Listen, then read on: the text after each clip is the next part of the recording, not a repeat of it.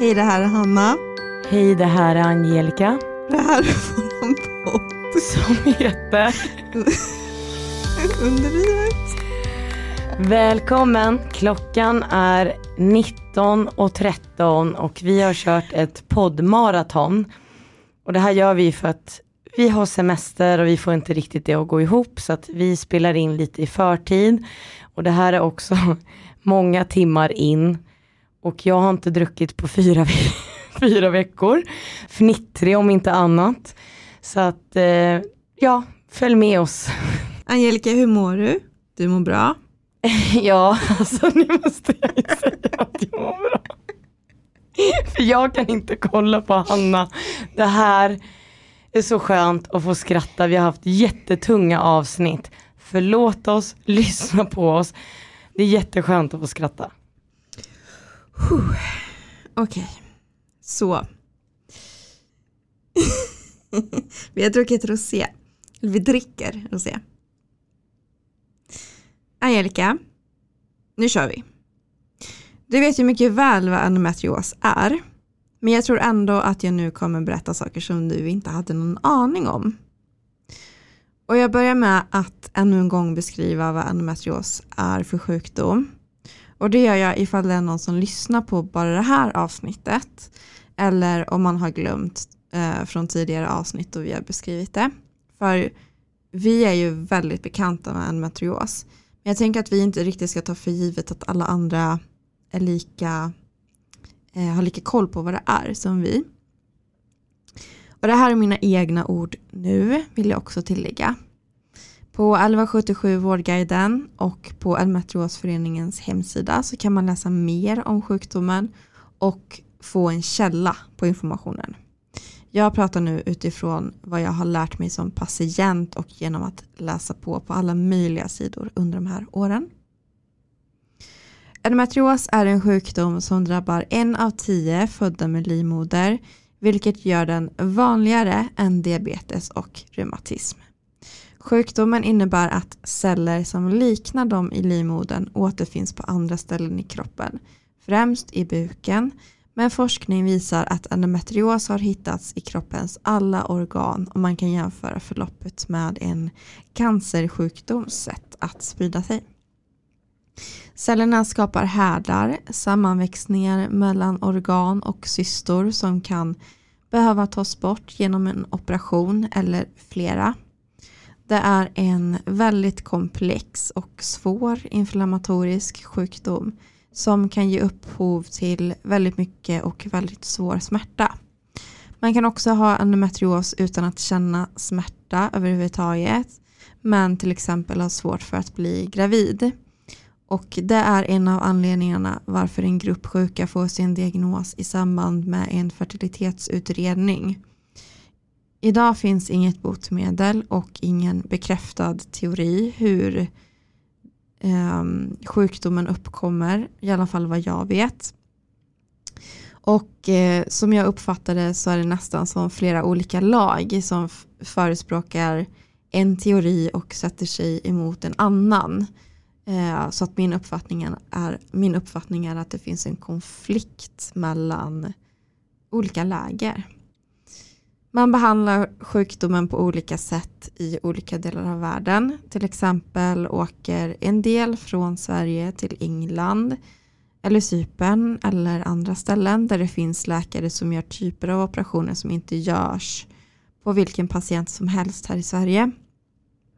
Och eh, den här skillnaden kan bero på dels vilka teorier man jobbar efter och dels om man har ett långt eller kortsiktigt perspektiv. Oavsett behandling och åtgärd så blir man inte frisk om man har en metrios. En metrios är en kronisk sjukdom. Man kan däremot ha mer eller mindre symptom och smärta och det är att minska det som är i fokus. Eh, cellerna är östrogenberoende vilket innebär att drabbade kvinnor behandlas med hormoner, det vill säga p-piller, spiral och så vidare. Men det här är att välja mellan pest eller kolera för den som är hormonkänslig, till exempel jag. Dessutom finns det inga garantier för att en behandling som funkar bra för någon funkar lika bra för en annan.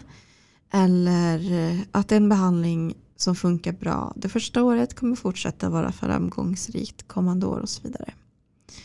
Smärtlindring krävs också och många kvinnor blir inte beviljade den smärtlindring som de behöver. Och eh, det här eh, yttras bland annat i att läkarna inte anser att den vårdsökande kan ha så ont som man påstår. Eftersom man där och då ser okej ut eller att läkaren inte har kunskap om att sjukdomen kan ge smärta även om man inte menstruerar eller har ägglossning för tillfället. En stor del varför vården är bristfällig och godtycklig är för att myter om sjukdomen och fördomar om patienterna fortfarande råder. Och det här är helt sjukt. Att läkare inte är mer intresserade av att göra rätt för patienten 2021. Det är galet. Som jag sa drabbar endometrios en av tio födda med livmoder. Och jag läste i en studie att eh, endometrios förekommer uppskattningsvis hos 10-15% av alla kvinnor i fertil ålder. Den här studien kommer jag komma tillbaka till flera gånger och eh, nu använder jag ordet kvinna eftersom att det är vad studien använder. Se källor i avsnittsbeskrivningen. Och nu kommer ett citat. Om dessa siffror sätts i ett globalt perspektiv innebär det att endometrios är en av de vanligaste sjukdomarna i världen. Vanligare än både cancer och aids.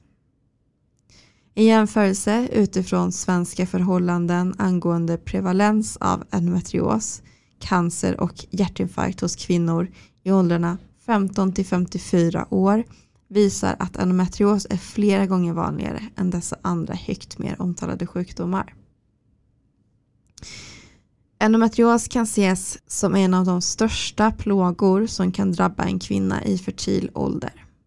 Vad tänker du när du hör det Angelica? Det jag tänker är att det är mycket av det här du läser som jag reagerar på. Alltså att, att det inte har gått framåt. Att vi står här idag. Och jag vet att jag sa till dig Hanna en gång att min dröm var att det fanns ett botemedel. Men om det är så här vanligt, varför händer ingenting? Är vi där 2021 att kvinnan ändå inte ska få sin hjälp när det gäller vård? Absolut, det är fortfarande tvister inom arbetet och sånt. Men inom vård, det har alla rätt till oavsett kön. Jag blir, jag blir berörd. Vad tänker du? Alltså det är ju många med sjukdomen och jag skulle nog kunna säga de flesta får kämpa i flera, flera år för att få hjälp. Och jag har ju utvecklat ett kroniskt eh, smärtsyndrom eller vad min läkare nu kallar det som är följd av att jag gått med smärtor länge. Jag undrar ju om det hade förhindrats om jag hade fått hjälp ordentligt första gången som jag sökte. Att endometriosdiagnoser har dröjts eller har fördröjts och att det också ger stora konsekvenser på våra liv. Det är så normaliserat att ingen lyfter på ögonbrynen. Och just det du säger också, att det liksom krävs så mycket ork från individen i sig. Och jag har sagt det flera gånger under de här avsnitten som vi har spelat in. Du måste vara frisk för att orka vara sjuk. Och det, det här är, alltså, amen på det här. Alltså. Du måste orka kämpa, du måste prata med Försäkringskassan, du måste ringa läkare. Hur, hur orkar människor? Det här får verkligen inte hända. Och som du till exempel, för nu sitter ju du här och berättar om ditt kroniska smärttillstånd. Det här kanske hade kunnat undvikas om vi faktiskt var längre fram. Mm. Men du var ju frisk i huvudet för att orka vara sjuk. Och jag, jag kommer stå fast vid det, att det är så himla sorgligt. Att det är en sån vanlig sjukdom, jag vill inte kalla den ovanlig egentligen längre, som det står överallt. Endometrios det är en ovanlig sjukdom och det har jag läst i många artiklar under min tid när jag fick min diagnos. En ovanlig, det kan till och med vara en rubrik. Jag vill ändra det till en vanlig och det gör vi med den här podden tack vare er som lyssnar. Det här ska bort. Och jag blir väldigt tacksam eh, när man träffar läkare som inte kan någonting om endometrios. Då menar jag alltså gynekologiskt såklart, det är det vi pratar. Som inte vet vad endometrios på riktigt hur det påverkar. Det spelar ingen roll om du har läst hur många år som helst. Det här krävs ju en specialistutbildning eller ett intresse för att vilja förändra någonting. Men då blir man så tacksam när man möter en läkare som säger att jag vet inte så mycket, men jag kommer skicka dig vidare. Och jag hoppas att vi alla får det bemötandet någon gång, att jag tror i alla fall på dig, men jag kan inte ta den här bedömningen. Vi måste ha kommit dit 2021 vårdpersonal och då tänker jag på undersköterskor, sjuksköterskor, barnmorskor, läkare och massa andra titlar möter endometriosdrabbade på så, i så många olika miljöer i vården. På akuten, för operation, röntgen, på specialistmottagningen, på vårdcentralen, på ungdomsmottagningen, eh, på en gynekologisk mottagning, på fertilitetsmottagning. Alltså det går att räkna upp hur många som helst. Alltså är möjligheten stor att du som jobbar inom vården träffar den här typen av patient. Ändå verkar det inte som att endometrios är ett ämne som tas upp på utbildningar för de som ska jobba inom vården. Och jag har flera vänner som utbildar sig till sjuksköterskor och de säger alla samma sak. Att det var en föreläsning om endometrios och det var allt. Och jag fattar att det är mycket som man ska hinna gå igenom. Men eftersom sjukdomen är så vanlig. Den är kronisk, alltså vi pratar absolut om att den är vanlig. Men vi måste prata om en kronisk sjukdom som påverkar ett helt liv. En, en kvinna, en tjej som får sin mens. Du kan alltså genomlida, som jag tar vi nu, nu fick inte jag endometrios när jag var nio. Hallå, det finns barn som får endometrios. Glöm inte att läsa på Barnendometriosfonden, det måste jag säga också. Barnendometriosfonden. Det jag också vill säga är att det här påverkar ju redan en kvinna, eftersom att vi läser studier nu, tyvärr, men så är det. En kvinna från tidig ålder, räkna till exempel mitt fall då, om jag skulle varit nio. Hur många år har inte jag att leva? Det måste finnas mer och det jag vill tillägga också, för min kompis Emma som jag verkligen har delat mycket med. Jag tror inte ens hon sa att det var en föreläsning, så jag blev ändå glad att höra att dina vänner hade fått det. Hon har ju fått sin kompetent via våran podd. Och det är jävligt, det är inte respektabelt, alltså det är sorgligt. Nej men det är, förlåt, alltså det är så jävla sorgligt, jag har så mycket att säga här. Ja men det är så sjukt att så, det är ju känt att den här sjukdomen är så vanlig. Och det är också känt att vården inte kan hantera den här patientgruppen tillräckligt. Och det är också känt att det finns så många miljöer för vårdpersonal där man träffar den här patientgruppen. Och ändå så fattar jag inte då varför man inte gör mer. Den här studien presenterade också siffror från en annan studie. Jag, jag rös när jag läste det här. Och jag vet inte om siffrorna avser de som deltog i studien eller om de avser vi som har sjukdomen generellt. Men oavsett så är det väldigt talande för hur vi mår. Och nu kommer det. Depression förekommer hos 86 procent bland kvinnor med endometrios. Och det har också påvisats ett tydligt samband mellan stigande ålder och depression för kvinnor med endometrios. Ju högre ålder desto mer allvarliga depressionssymptom. Studien tar också kort upp endometrios i historien. Och eh, jag tänkte läsa upp lite för dig Angelica och för er som lyssnar. För det här är sjukt intressant tycker jag. Sjukdomen beskrevs i, och nu citerar jag, och eh, ni hittar eh, källan i avsnittets beskrivning. Sjukdomen beskrevs i europeisk historia redan för 300 år sedan. Under 1690 återfinns beskrivningar av organiska skador och symptom som det vi idag känner som endometrios. Men ännu hade inte sjukdomen fått detta namn. Genom den europeiska medicinens historia har kvinnors reproduktiva hälsa nonchalerats och endometrios utgör inget undantag. En artikel som studien refererar till visar också att de studier som belyste endometrios under 1700-talet hade ett holistiskt synsätt och beskrev bland annat sjukdomens påverkan på kvinnors fertilitet.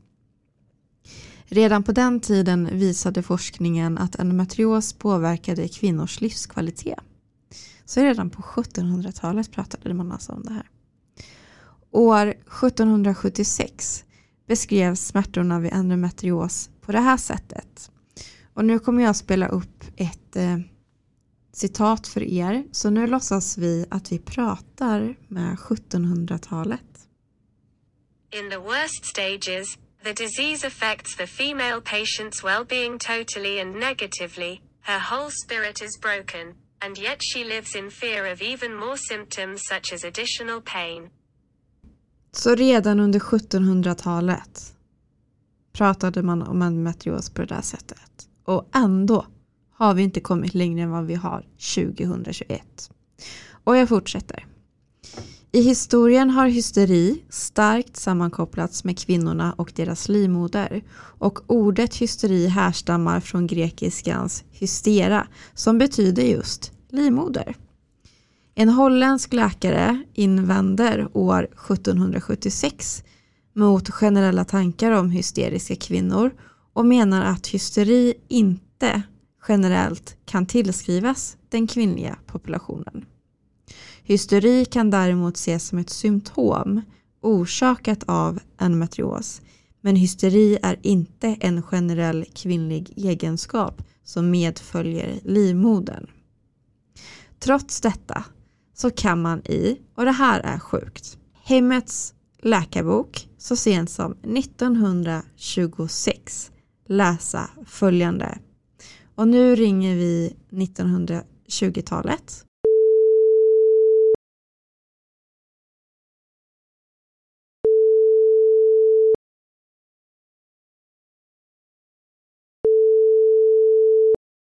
Hallå, hallå? Var det något du ville säga? Smärtsamma menstruationer kan tyda på sjukdomar i livmodern, äggledaren eller dess omgivning och fordrar undersökning och behandling av läkare. Ibland kan de visserligen vara hyra, nervösa, hos personer med känsligt nervsystem, mycket ofta beror de dock på lokala lidanden.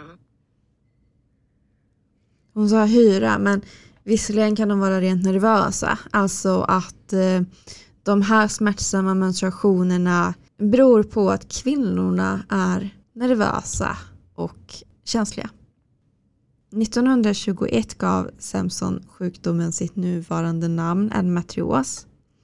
Och endometrios kallas ibland för den glömda sjukdomen fast den har beskrivits inom den europeiska medicinen i över 300 år. Och trots detta återfinns den inte i ansedd litteratur som Encyclopedia of Medical History från 1985 eller The Cambridge World History of Human Diseases från 1993. Och det var det jag ville säga om det här. Och tack till Bodén och Cederfelt för er uppsats inom sjuksköterskeprogrammet som har varit min källa. Det verkar som att ni är väldigt bra sjuksköterskor som tar hand om oss endometriospatienter. Och eh, jag vill också säga att eh, det jag tagit upp nu är källor som används i uppsatsen. Så det är inte själva kandidatuppsatsen som är underlag för källan utan det är större forskning än så. Det är källor som de använder sig av. eh, kandidatuppsatsen gjorde det bara lättare för mig att förstå och få det samlat. Som sagt så finns eh, deras uppsats eh, länkad i avsnittets beskrivning om ni vill läsa vidare. Vad, har du någon reaktion på det här Angelica? Nej, men det är ju en, alltså, en kamp, en ständig resa. Det finns få människor som verkligen tar upp det här och uppmärksammar det. Och det är det som jag tycker är så sorgligt. Som de här studenterna, var det sjuksköterskor eller Mm. läkare? Sjuksköterskor. Tack. Tack för att ni ser oss. För jag kan säga det att mycket är ju att man pratar om dåliga läkarbesök. Men vi ser också er sjuksköterskor. Jag tror inte att vi har liksom uppmärksammat det. För det är faktiskt ni som tar hand om oss egentligen. Så att det uppskattas att höra att folk verkligen ser att det här är ett folkhälsoproblem. Mm. Verkligen, verkligen. Och det är ju så att eh, eh för några avsnitt sen så pratade jag ganska så kort om eh, Emilia som gick bort i, i sviterna av en matrios. Och jag tänkte att jag skulle läsa upp en artikel om henne. Och först så kände jag att det kanske är dumt att göra det, att det är känsligt för hennes familj om vi pratar om henne här i podden. Men samtidigt så har hennes familj berättat om det som hände i media. Och eh, jag tänker att därför får vi anta att de vill att det här ska komma ut, det som hände. Hur hon behandlades, eller snarare inte behandlades. Men jag tycker fortfarande att det är svårt eh, att prata om. Så jag landade i, tillsammans med dig Angelica, att vi läser en av artiklarna utan till. För den finns ju att läsa om man googlar så att vi säger ingenting som inte finns en googling bort så att säga. Ehm, och eh, jag tycker att det är viktigt att eh, läsa upp den här artikeln för att jag har vetat om det här i flera, flera år efter att jag har googlat på det sedan många, många år tillbaka. Men eh, du Angelica hade inte hört om det här ehm, förrän jag nämnde det för några avsnitt sedan. Jag tänker också att det är därför vi vill förklara oss, för min reaktion var ju då, vad tur att jag inte hade läst den, för att det är väldigt tufft när man har fått en diagnos. Hade jag fått den här artikeln uppslängd i mitt ansikte när jag var under utredning så hade det varit så himla tufft och även när du fick en diagnos. Så det var väldigt fint av dig Hanna att säga det, för jag tror att du tänkte på mig där. Jag hade ingen aning, så jag, jag vill höra den och jag är beredd att gråta. Luta dig bak så ska jag ta dig igenom Emilias eh, berättelse. Nonchalerad av 32 läkare. För första gången har sjukdomen endometrios skördat ett dödsoffer. Emilia, 27, träffade 32 läkare på nio månader men ingen tog henne på allvar. När Emilia väl fick hjälp var hennes tillstånd livshotande. Hon hade stopp i tarmen, var svårt undernärd och överlevde inte operationen. Och jag vill säga bara att eh, det här skedde 2011 i Sverige. Emilia var 21 år när hon fick diagnosen endometrios. Sjukdomen hade satt sig på och i tarmen och orsakat en förträngning. Hon hade fruktansvärda magsmärtor och eh, mensblodet rann även ur tarmen. Det var sommaren 2010 som hennes tillstånd försämrades. Hon led av konstant förstoppning upp till tio dagar i sträck berättar hennes mamma Margareta i Malmö. Under nio månader sökte Emilia hjälp otaliga gånger på Sahlgrenska universitet, universitetssjukhuset i Göteborg där hon bodde med sin sambo. Men bollades bara runt mellan gyn, medicin och kirurgklinikerna. På dessa nio månader mötte hon 32 olika läkare. Men ingen tog det medicinska ansvaret för henne. Hon fick ingen hjälp, varken mot förstoppningen, sjukdomen eller tillräcklig smärtlindring. Hon nekades också remiss till Sveriges då enda endometriosklinik vid Akademiska sjukhuset i Uppsala med hänvisning till Salgrenskas egen endometriosvård som är tillräckligt god. Emilia blev allt sämre. Hon kunde inte behålla maten utan kräktes upp allt på grund av förstoppningen. I april 2010, 2011 var hon inlagd 21 dagar men fick inte ens näringsdropp. När Margareta träffade sin dotter i april fick hon en chock. Emilia som var 182 cm lång hade rasat från 57 till 48 kilo på bara några månader och hennes BMI sjunkit till 14 vilket är grav undervikt. Hon kräktes upp allt. Hon darrade i hela kroppen, skakade av sina smärtor. Magen var stenhård. Det kändes som att hon hade en bebis i den.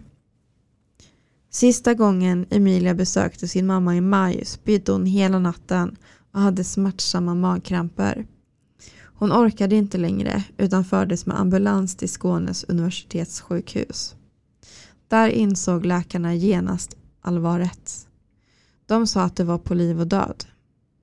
Undersökningen av tarmen, koloskopin, gick inte att genomföra. Det var totalt stopp. När läkarna opererade henne fick de nästan en chock. Tarmen fick tömmas på cirka 10 liter avföring. Förträngningen skars bort och Emilia fick påse på magen. Operationen gick bra. Fyra dagar senare, tisdagen den 31 maj, drabbades Emilia plötsligt av kraftigt blodtrycksfall. Hon fördes till intensiven dit hennes mamma och sambo senare kom. Hon var vid medvetande. Jag pratade med henne. Hon sa att hon hade så ont i ryggen och kände sig varm och ville att jag skulle fläkta henne. En halvtimme senare var Emilia död. Hon fick hjärtstillestånd. Jag blev helt kall när jag förstod att hon var död. Vi blev så chockade. Emilia hade blodförgiftning när hon dog. Jag hade fem barn. Nu har jag bara fyra. Det är en fruktansvärd förlust för oss alla. Det är helt onaturligt att begrava sitt barn, säger Margareta. Hon anmälde Salgrenska till Socialstyrelsen för fel i vården och anser att Emilia borde ha opererats redan sommaren 2010 när hon var i bättre skick. Jag är fullständigt övertygad om att Emilia varit i livet om man i Göteborg tagit hennes besvär på allvar. Trots att hon träffade så många specialister så var det ingen som observerade att hon höll på att tyna bort. Alla har brustit i sitt ansvar. Det fanns ingen vårdplanering och ingen ansvarig läkare.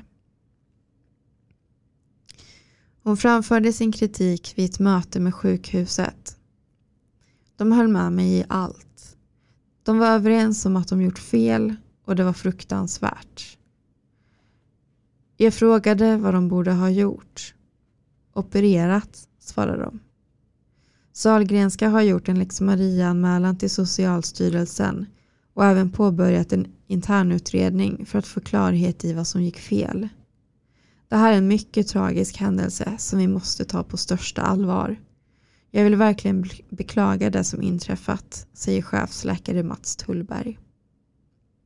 Aftonbladet frågar Anser ni att ni har begått några misstag?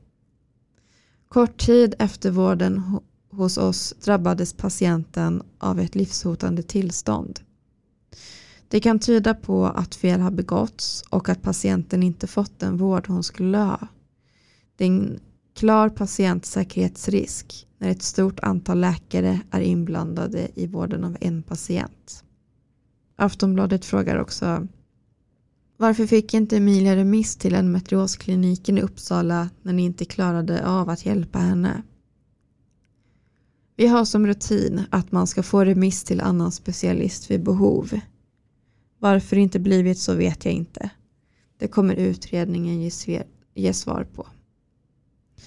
Och eh, den här artikeln är skriven för Aftonbladet och eh, den hittar ni i avsnittets beskrivning och ni hittar också många andra eh, tidningsartiklar om Emilia om ni googlar.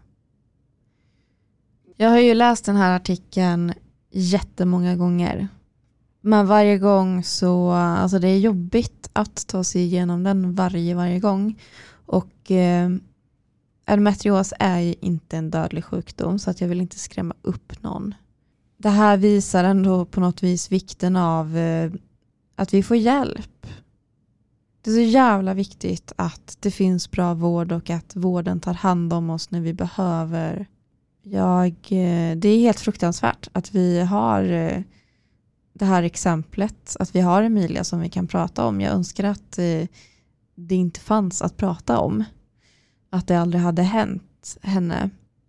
Men nu är det så, det är helt fruktansvärt och eh, det är nog det enda jag kan säga. För att det är helt sjukt att det här har hänt.